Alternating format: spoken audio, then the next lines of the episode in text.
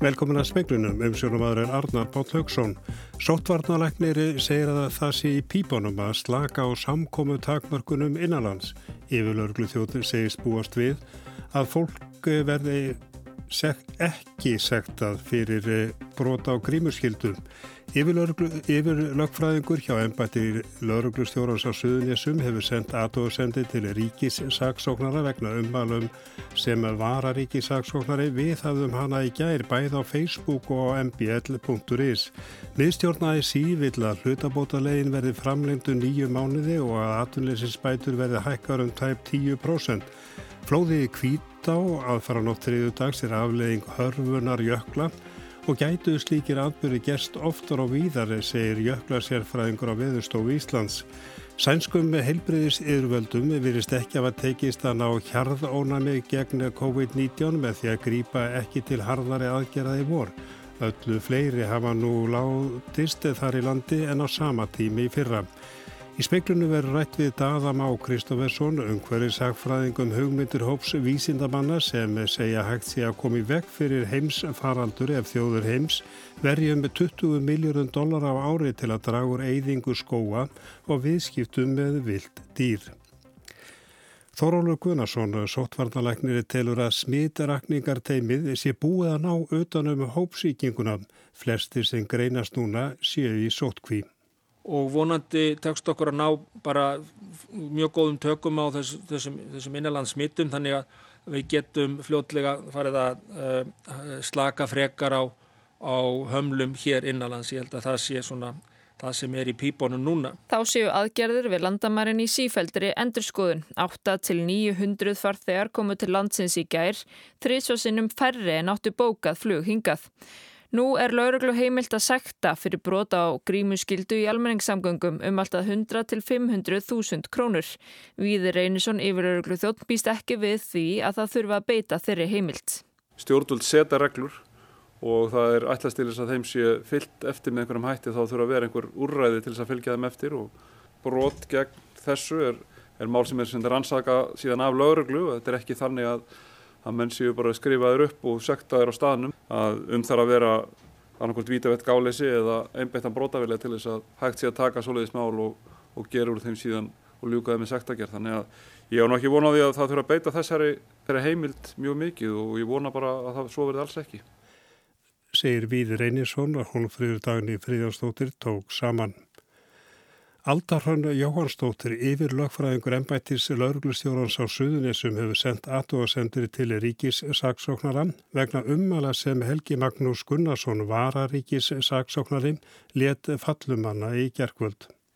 Helgi Magnús byrti í gær fæslu á Facebook þar sem hann sagði ástæði til að ætla að ekki væri komin öll kurlti gravar í deilum innan lauruglunar á Suðunessum. Ætti að skera burt meinið þyrti að taka allt ekslið því annars yksi það áfram. Helgi Magnús rætti efni færslunar í viðtal á mbl.is þar sem hann sagðist hafa verið að vitna til greinar á vísi sem fjallaði um að yfirmenn lauruglunar á Suðunessjum væru að reyna að grafa undan Ólafi Helga Kjartansinni, lauruglustjóra. Tiltók hann sérstaklega á Öldurhönn, reyfið upp lögheimáli svo kallaða og fleiri uppákomur sem hún hafði staði fyrir, eins og hann orða það í viðtalenu. Ekki hafi allt verið til fyrirmyndra frá henni á þessu sviði. Sigriður Fríðansdóttir, ríkisaksóknari, staðfestir við fréttastofa að henni hafi borist aðtóasemtir öldur hannar vegna téðra umala vara ríkisaksóknara. Hún segir umali Helga Magnúsar hans eigin og að þau hafi ekki verið sett fram í neinu samráði við ríkisaksóknara. Aðspurð hvort umali vara ríkisaksóknara geti talist eðlileg í ljósið þess embætti sem hann gegnir, segist Sigriður ekki tjásið um samskipti hennar við starfsmenn embættisins. Helgi Magnús segir í samtali við fréttastofu að öldu hrönn sé frjálsta kvarta telji hún til þess tilefni og að hann hafi rætt málinn við ríkisaksóknara. Hvað ummalinn varðar hafi hann engungu verið að tjá sig út frá því sem hafi byrst í fjölmjölum um málefni lauruglustjórnars á Suðunessjum. Enda hafi fréttir verið þess efnis að málefni embættisins þyrti frekari skoðana við. Að því leiti standi hann við ummalinn. Aldarhönn vildi ekki tjá sig um málu við fréttastofu. Þetta er ekki fyrsta skipti sem Alda Hrönn kvartar vegna ummala Helga Magnúsar. Áru 2011 kvartaði Alda Hrönn undan ummalum Helga Magnúsar til ríkislauruglustjóra í sinn garð. En hann mun hafa kalla hana kerlingatussu á göngum efnahagsbrotaðelda ríkislauruglustjóra. Ríkisaksóknari taldi ummalinn ekki varða við lög og var því ekki aðhafst frekar í málinu. Magnús Geir Egilsson saði frá. Sálfræði stofan Líf og Sál hefur verið fengið til að gera úttækt á samstarfsungverfi eða starfsungverfi í borgaráði. Þetta kemur fram í tilkynningu sem borgaráðsfulltrúum og áhörnarfulltrúum var senda á mánudag. Áður hefur verið fjallað um samskiptavanda þegar Vigdísar Haugstóttur borgarfulltrúa miðflokksins og Helgu Bjarga Ragnarstóttur skrifstofustjóra og skrifstofu borgarstjóra. Vigdís hefur mótmælt verið skrifstofustjóran sem fundum borgarás og Helga hefur kvartað undan framkomi Vigdísar sem hún segi jæðra við einelti. Hafa nokkri borgaráðsfulltrúar líst starfsumskverfinu í borgaráði sem óbæri legu. Sálfræðistofunni hefur verið falið að meta starfsumkverfi og gera úttekt á sálfélagslegum áhættu þáttum þess starfsfólk sem ímist situr eða kemur reglulega fyrir fundi ráðsins. Felur svo vinna í sér úttekt á eðlistarfs aðstæðum í borgaráði, hvernig vinna farið þar fram og samskiptum starfsfólk við kjörna fulltrúa. Líf Magnuðdóttir borgarfulltrúi staðfestir í samtali við fréttastofu að vinna sálfræðistofunar sé þegar hafinn. Fyrstu viðtölun hafi verið tekin í dag og sjálfmæti hún í viðtal á þriðudaginn. Vigdís lagði fram fyrirspurnum málið á fundi borgaráðs í morgun og vakti aðtikli á að ekki verið stega að kynna úttöktan í borgaráði. Endanleg útgáfa frá svo hvers viðmælanda verði í vörslu sálfræðistofunar sem gagni í málinu og svo frásögn verði ekki afhend öðrum nema að undangengnum dómsúskurði. Spurði Vigdís hvort verið væri að trimma upp dómsmál millir ennbættismanna og kjörina fulltrúa. Óskaði hún svara við því hvernig kjörnir fulltrúar ættu að verjast ásökununum í skýrslunni hefðu þeir aldrei séð hana. Anna Sigrid Reynarstóttir tók saman. Sérfræðingur á viðstofu Íslands segir að skyndilegt flóði kvít á í borgarfyrði sé afleiðing af hópun jökla. Sambarli lón hafi myndast víða og því geti atbyrði sem þessir orði tíðari. Teljum að þarna hafi runnið fram 3-4 miljónir rúmetra af vatni. Það er ekkit mjög stort hlaup með við jökulhlaup sko, annar staður á landinu en, en þetta er mjög skyndilegt og, og, og stort fyrir þetta vatnarsið sem þetta flóð verður í. Segir Tómas Jóhannesson, fagstjóri á Jöklasviði á Veðustofu Íslands um hlaupið í Kvítá aðfarn og triðudags. Hlaupið kom úr lóni sem myndaðist við Jæðar Langjökuls árið 2008. Alla jafna rennur úr lóninu til norðus í vatn sem er sunnan Eriksjökuls en í þetta skipti randa í söður, undir Jökulsborðin og ofan í Svartá, það sem að barsti í Kvítá. Þygt lag af auður er í og við anna sem er grá og gruggug og útlitt fyrir að fjöldi lagsa hafi drepist. Tómas segir að aðbörði sem þessi sé aflegginga hópun jökla og gætu því orðið tíðari. Hvort þetta gerist aftur í kvítá verður tímin að leiða í ljós. Það er ekkit ólíklegt að, að, að vassfærvegur undir jöklunum grói saman aftur og þá fari að hækka aftur í lónunu og svo hlaupið að nýju sem þessara lóna, jáðarlóna eru með þeim hætti en, en það verður bara komið í ljós hvort að jökullin er orðin það þunnur þarna að, að, að reynslisleið til söðurs verði áframhaldandi þarna og sírensli og svona hlaup, hlaup úr jökullónum og breytingar á vassfarvegum er eina af afleiðingum hörfandi jökla þannig að menn hafa gert ráð fyrir því að, að ámóta flóð eða sambærileg flóð yrðu úr lónum sem er að myndast víða við jökla landsins. Þetta var Tómas Jónesson og Magnús Ger Ejjálsson að talaði við hann. Sænsk heilbriðis yfirvöldu greipi ekki til harðara viðbraða við koronaveiru faraldurinn við vor. Þar sveit fleiri hafa látist þar á fyrirluta þessa ás en á sama tími fyrra. Ekki virðist hjarð ónami hafa náð sem sóttvarnalæknir þar bjóst við. 15% fleiri létust í Svíþjóð fyrstu 6 mánuð ásins 2020 en á sama tíma í fyrra. 5.800 af 51.000 döðsvöllum er af völdum koronaviru faraldursins, sangkvæmt tölum frá Johns Hopkins háskólanum. Til samanburðar hafa 264 látist af völdum COVID-19 í Noregi. Ekki hafa jafnmörg döðsvöll verið skráð í Svíþjóð frá árunnu 1869 þegar hungursneið gekk yfir.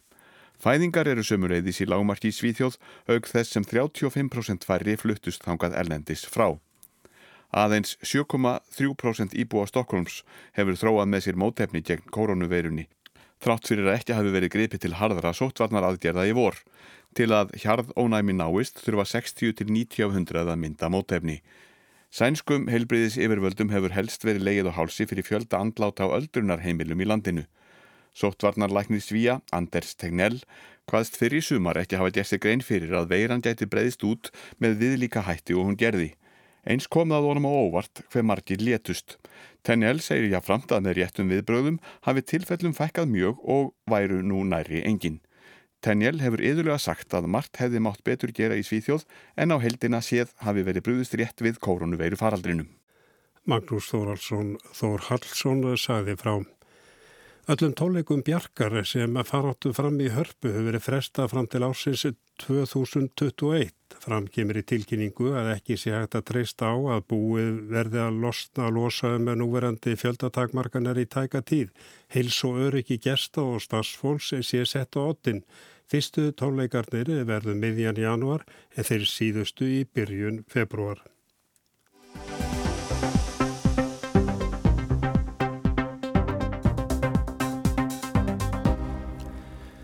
Rannsóknir þar sem er regnaður út hvernig þjóður heims geti ef þær tækir sér saman komið í veg fyrir heims faraldra eins og COVID-19 eru gríðarlega mikilvægar, segir Daði Máru Kristófesson, ungverðið sakfræðingur. Sankvæmt nýri greiningu sem sagt er frá í vísindatímaritinu Science má komi vekk fyrir heimsfaraldra ef þjóður heims verðu um 20 miljardum dólar á ári til að draga úr eyðingu skóa og viðskiptu með vilt dýr. Greinin var byrt í Science í lók júli.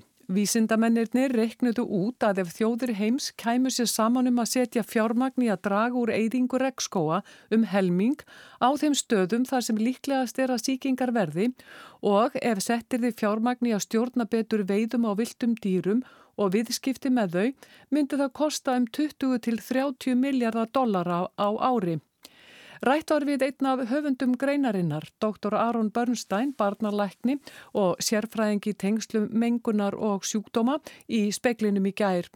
Hann sagði að upphæðin virtist há, þanga til fólk gerði sér grein fyrir því að ein veira og faraldur eins og COVID-19 kostar þjóðir heims meira en 10.000 miljardar dollara. Daði Már segir að tölurnar í rannsókninni séu trúverðugar. Hugmyndin sé hins vegar ekki ný því á síðastliðnum 20 árum hafi verið reynd að hafa áhrif á landnótkunni í þriði heimsríkjum til að dragu úr skóeðingu. Eh, þrátt fyrir að búið sér að sína fram á að það sé fyrir heiminn skinsamlegt fara þessa leið hefur einst erfitt að hvetja einstaka bændur eða einstaka landegjandur til þess að taka tillit til þessi sinni ákvarnatöku. Um, þannig að þó svo að þetta gæti verið rétt sem að, og ég raunar til uh, líklegt að sé að þá er þetta því sama marki brent og margar aðgerðir til dæmis í lofslagsmálum að það hefur einst erfitt að hvetja einstaklingana til þess að breyta sinni haugðun jafnvel þó að sé búið að sína fram á þessi skynsalegt fyrir samfélagið. Rannsóknir hafi sínt að ábatinn af því að berjast gegn skóæðingu sé hagkvæmur fyrir allar þjóðir. Hins vegar hafi reynst erfitt að samfæra þá sem búa þar sem skóum er eitt um að breyta hegðun sinni. Þetta getur verið að uh, þessi faraldur uh, hjálpi í að abla hugmyndarinnar pólitísk stöðnings, sérstaklega í þessum löndum. Um, en um, það, það er mjög mikið um vandamál sem við vitum að myndi borga sig að vinna gegn en við náum samt ekki að vinna gegn. Og, um, og, og það er kannski það sem myndi, persónlega ég myndi hafa mestar áhyggjur af Kerfin í mörgum þessara ríkja séu mjög ófullkomin og oft berist einungi sprót af þeim peningum sem eiga að rástafa til að draga úr skóeiðingu til þeirra sem eiga að fá þá. Um, og að aðstæða þeirra er í mörgum tilfellum svo þröng að valið um að hætta að gera þessa, hætta þessari hegðun sem hefur þessi neikvæð áhrif er rumurlega ekki til staðar. Ef, ef, ef, ef þú sérð ekki fyrir þér hvaða næsta máltið kemur þá er mjög erfitt að, að samfæra þig um að, að uh, hætta haugðun sem kemst upp með uh, bara vegna þess að það hefur neikvæð áhrif fyrir heimsbyðina í einhverju óljósu samhengi.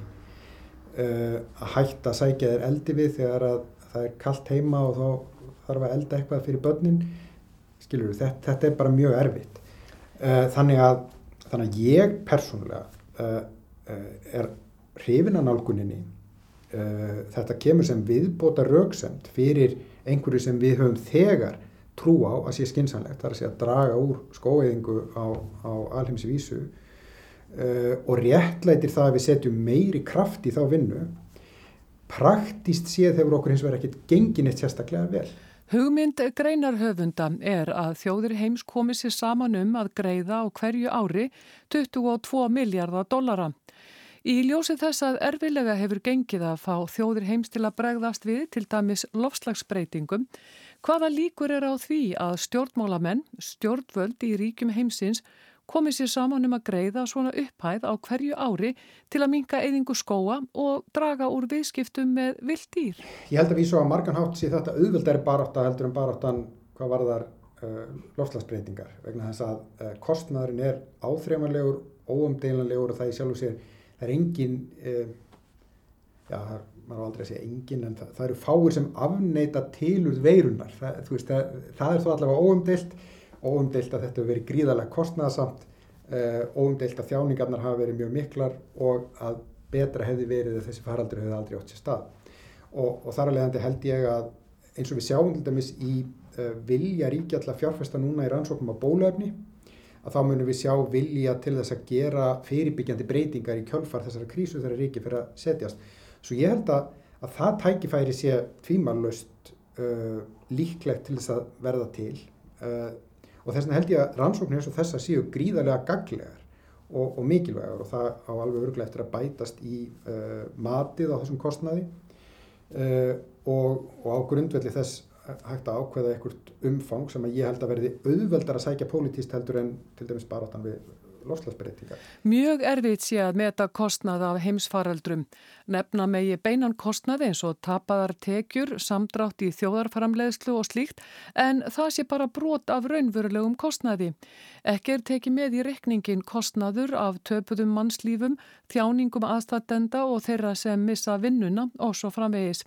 10.000 miljardar dollara kostnaður af einum faraldri sé því öruglega ekki of áallaður. Já sko ég held bara yfir höfuð að við nálgumst þessi erfiðu vandamál þar sem við erum annars vegar að reyna að vega uh, hagsmunni einstaklinga af einhverju starfsemi sem þeir stunda og hagsmunni heildarinnar, ég tala nú ekki um heimsbyggðarinnar allrar í uh, þessum, uh, þessum opna nútíma sem við búum í að það er alveg gríðarlega mikilvægt að við nálgumst það með þessum aðferðum og, og, og þess vegna talar þessi grein mjög til mín hérna fleiri og öruglega eftir að fylgja í kjálfari með sambarilega greiningu. Þegar þú segir þessum aðferðum sem er þá? Kostnaðar ábata mati, það sem að reynda með skiplugum hætti að bera saman ábatan af til dæmis því að eða skógi og stundar landbúnað á því landi, uh, leggja sér vilda tegundir til munns, samanbúri við kostnað heimsbyggðarinnar af faröldrum sem koma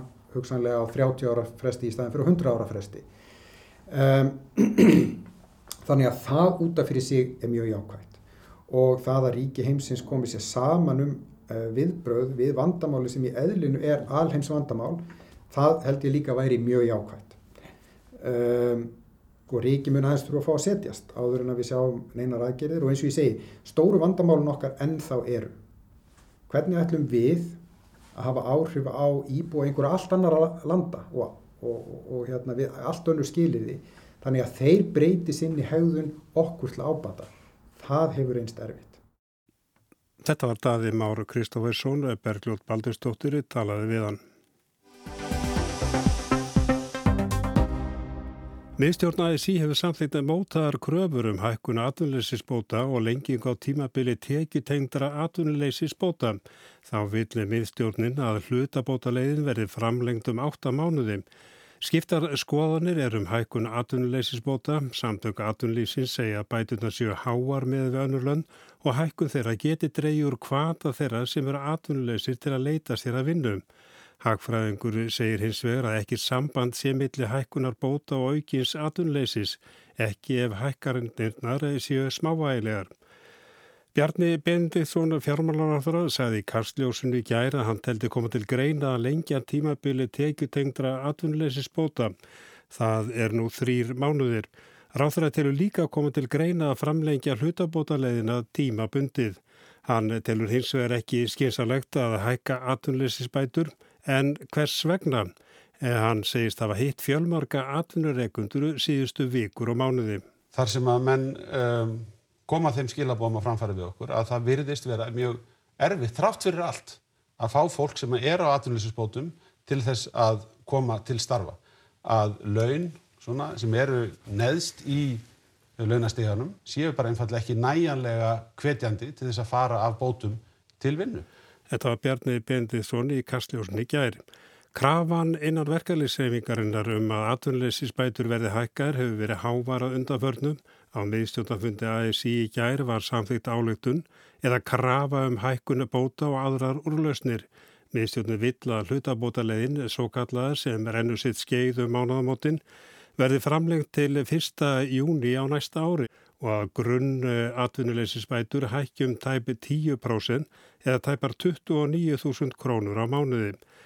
Þar eru núna rúmar 289.000 en yfirleilega 318.000 sangkvæmt kröfu miðstjórnarinnar. Tekjutengdar atvinnuleysisbætur verði greitar í 6 mánuði í stað þryggja, hámark tekjutengingar verði 650.000 krónur á mánuði Það er nú röskar 456.000 krónur. Þá villi miðstjórnin að lámaslaunu 335.000 skerðist ekki vegna tekju tengingarinnar. Miðstjórnin vill að bótatífambil atvinnleysistrygginga verði lengt úr 30 mánuðum í 36 mánuðum eða í þrjú ár. Bótatífambili var stitt 2015 úr þremur árum í tvö og hálft ár þrátt fyrir anstöðu ASI. Rög miðstjórnarinnar fyrir því að fari verði fyrra horf eru þau að ástandi nú auki líkur á langtíma atvinnleysi sem þýði að aukin fjöldi fólks fullnýti bótaréttin og hafi þá ekki öðru að hverfa en fjáras aðstóð sveitafélagana. Miðstjórnir vill að fjármagnu verði tryggt til vinnumarkas aðgerðan með þjónustu og námstækifærum fyrir atvinnuleitendur og að lögum atvinnuleysistryggingar endur spekli betur möguleika til þáttöku í virkni úrræðum. Guðrún Jónsson, hagfræðingu sem nú er í hlutastarfi hjá Vafferðar, sagði á samráðsfundi um COVID-19 í dag að ekki er tölfræðilegt samband væri á milli atvinnuleysisbóta og atvinnuleysis Hvort sem þar vera hækkar um 20 eða 25.000 krónur til eða frá skiptu engum áli varðandi atvinnleysi, meðal annars vegna þess að atvinnutryggingin eða atvinnleysisbætunar séu tímabönnar. Speilin rætti við hana. Ef það er efnagsmarkmið sjálfur sér að lækka atvinnuleysi eða, eða auka atvinnustig, að þá höfum við sínt fram á það í vöndum rannsóknum að það er ekki samengi milli uh, tryggingarinnar sjálfrar, atvinnutryggingarinnar eins og ég kýsa kalla hana, eða bótana eins og talaður um uh, og svo atvinnleysi styggsins. Aftur á móti er, uh, höfum við síðir rannsóknum og þar eru við bísna við, viðfæðmar því að Evrópa öll kljáðist við mjög langvarandi atvinnleysi á, á nýjundu og tíundu ártögnum sem að þeir náðu, að, náðu utanum og, og mjög margir þættir sem koma þarna inn Um, við veitum eins og að, að tímabilið sem að sem að uh, bæturnar uh, eða tryggingin er í gildi að það hefur áhrif. Aftur á móti uh, næmni um, um eins og þessi krafa sem uppi er um 20-25.000 krónur, ég skal ekki leggja mat á það, en, en það eru fyrst og fremst mann og sjónum og svo bara neyslu við með sem ætti að vera líka til grundvölda hversu atvinnlýsistryggingin er há. Hún tekur ekki undir að hækkun bóta virki létjanda þá sem er atvinnlausir að leita sér að vinnu. Ég held klárlega að, að þarna skiptir stígið máli.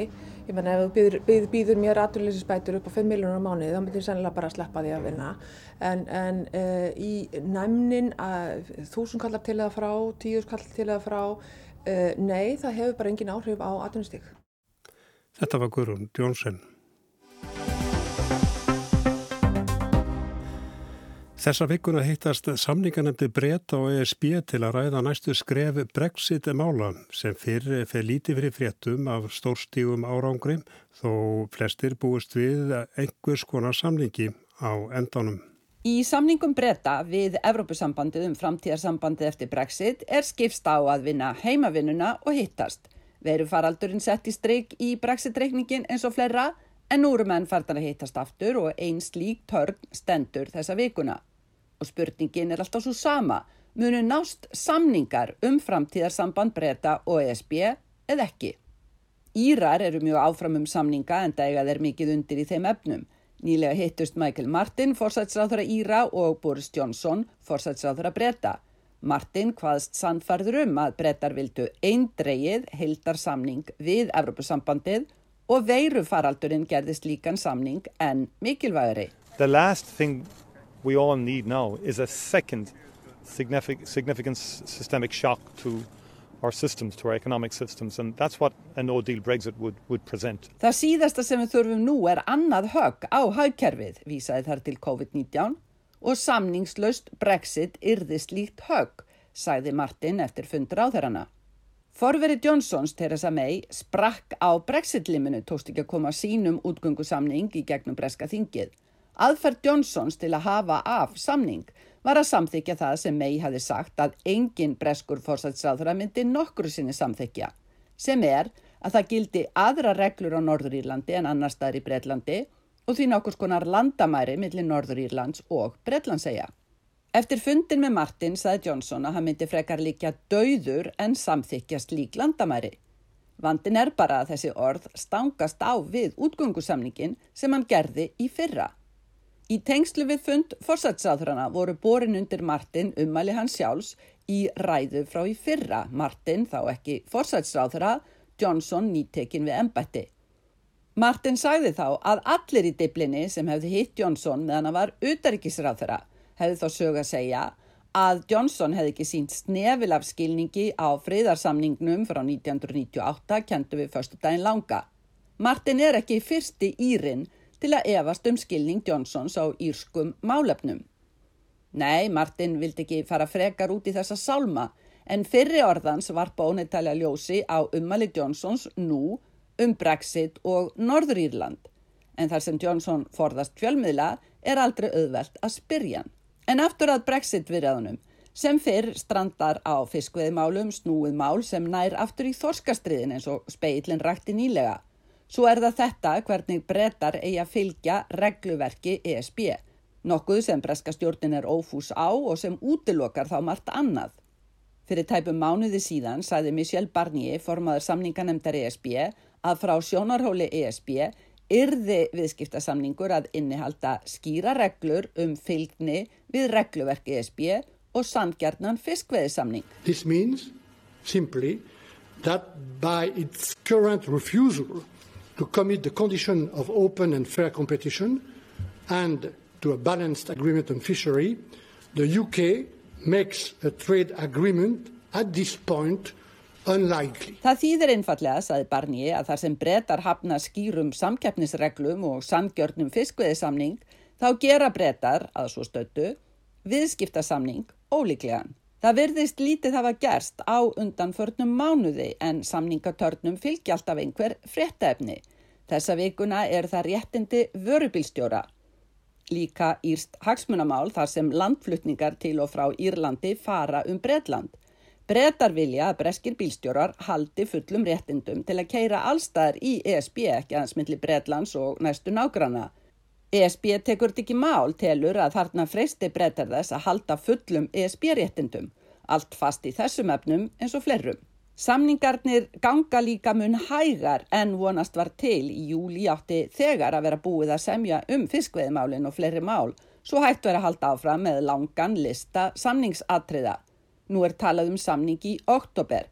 Tímatakmörkin eru áramótin, þarf að semja fyrir þann tíma. En aftur að stóru spurningunni mun semjast fyrir áramótin.